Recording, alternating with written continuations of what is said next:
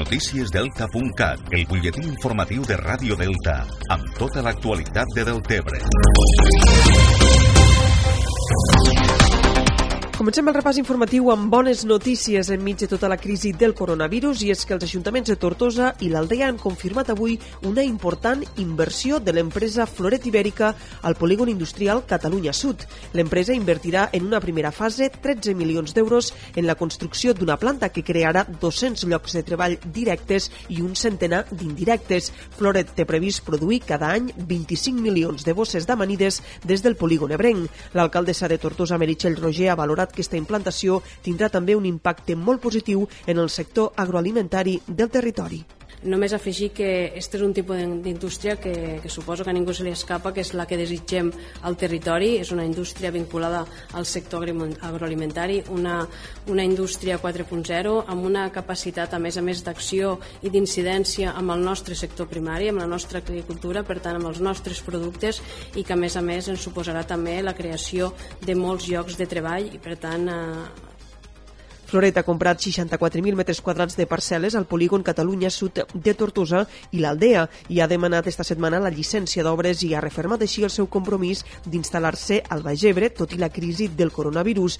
L'empresa té previst començar les obres el pròxim mes d'abril. Un home de Tortosa de 75 anys amb patologies prèvies ha estat la primera víctima mortal per coronavirus a les Terres de l'Ebre. El Departament de Salut va confirmar ahir dos casos nous de coronavirus a la regió sanitària que ja en suma 16. Actualment a l'Hospital Verge de la Cinta de Tortosa hi ha sis hospitalitzats pel Covid-19 i quatre d'elles es troben a la UCI. En confirmar-se la primera víctima per coronavirus, l'alcaldessa de Tortosa, Meritxell Roger, va compareixer d'urgència ahir al vespre via Facebook per lamentar la mort del pacient tortosí Potosí i va informar que l'home tenia patologies prèvies. L'home mort havia estat també prèviament atès a la clínica Terres de l'Ebre, de titularitat i gestió municipal. És per això que l'alcaldessa de Tortosa va explicar també que l'equip de sis sanitaris que el van atendre estan ara en situació d'aïllament. Més qüestions, l'Ajuntament de Deltebre ha aprovat 10 mesures per pal·liar els efectes del Covid-19 i que s'afegeixen a les 12 ja anunciades el passat diumenge. El govern municipal ha decidit modificar el calendari fiscal de l'Ajuntament de Deltebre i endarrerir el pagament dels impostos previstos durant el primer semestre de l'any. També s'ha acordat la suspensió de tots els procediments de cobrament iniciats per la via executiva a través de base.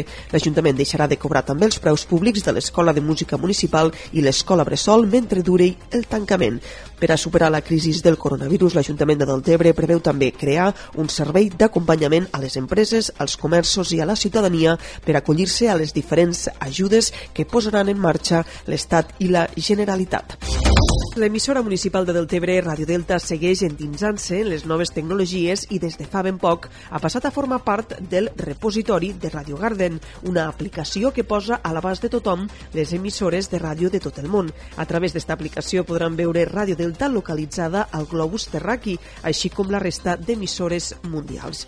A tot això afegim també que Spotify, si bé s'ha convertit en una de les aplicacions més usades per reproduir continguts musicals, també permet publicar i escoltar podcasts i a partir d'ara també podran trobar els programes de Ràdio Delta, com ara el Recapte, el Giradisc o el programa informatiu al dia Terres de l'Ebre.